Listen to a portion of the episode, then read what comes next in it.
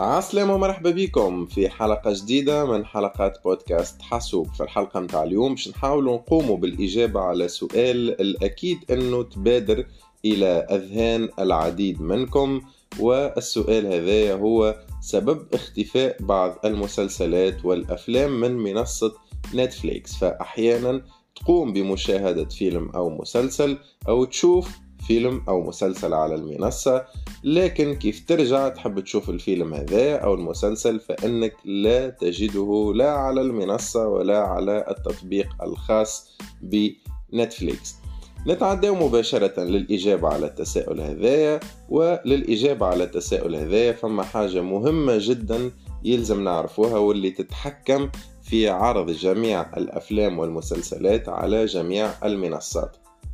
الحاجة هذه تتسمى حقوق الملكية الفكرية لأنه حق الملكية الفكرية للأفلام والمسلسلات في الأصل يرجع إلى شركات الإنتاج وشركات الإنتاج هذه تقوم بالتعاقد مع مختلف المنصات للقيام بعرض الأفلام والمسلسلات هذه. يعني مثلا فمش نحكيو مثلا على فيلم uh, The Lord of the Rings اللي باش يتم معناها حذفه من منصة نتفليكس قريبا فإنه الشركة اللي قامت بإنتاج الفيلم هذا أو مجموعة الأفلام هذوما تخلي منصة نتفليكس تقوم بعرض الفيلم أو مجموعة الأفلام الخاصة بها في مقابل مادي تقوم المنصة بدفعه.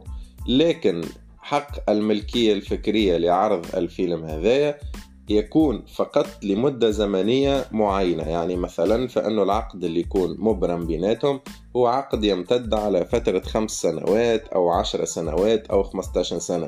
وبعد انتهاء العقد هذا فإنه لهنا باش يكون أمامهم حلين. الحل الأول هو أنه نتفليكس تقوم بدفع المزيد من الأموال باش تقوم بشراء مدة إضافية تقوم من خلالها بعرض الفيلم أو المسلسل هذايا. والحل الثاني هو انتهاء العقد وبالتالي تصبح منصة نتفليكس مجبرة على القيام بحذف الفيلم أو المسلسل هذا وهذا اللي يصير في أغلب الأحيان خصوصا إذا كان الشعبية متاع الفيلم أو المسلسل تنقص.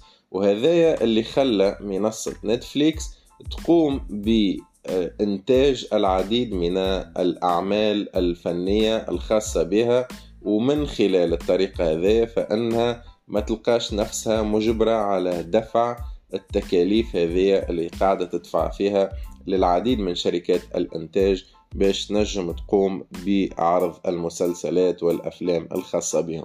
كانت هذه الإجابة على التساؤل. بالطبيعة في بعض الأحيان فإنه يتم حذف الأفلام والمسلسلات إذا كان آه، لا تتماشى مع ثقافة معينة أو لا تتماشى مع منطقة معينة فإنه كذلك يمكن في بعض الأحيان حذف المحتوى لحد هذه الأسباب لكن يبقى عموما السبب الرئيسي لحذف المحتوى هو انتهاء العقد اللي مكن شركة نتفليكس من عرض هذا المحتوى. كانت هذه الحلقة متاعنا اليوم من بودكاست حاسوب. إن شاء الله تكون الحلقة متاعنا فادتكم وعجبتكم. إذا عجبتكم الحلقة ما تنساوش كيف العادة الاشتراك في البودكاست متاعنا. وللحلقة القادمة ما بقى لي باش نقول لكم كان إلى اللقاء.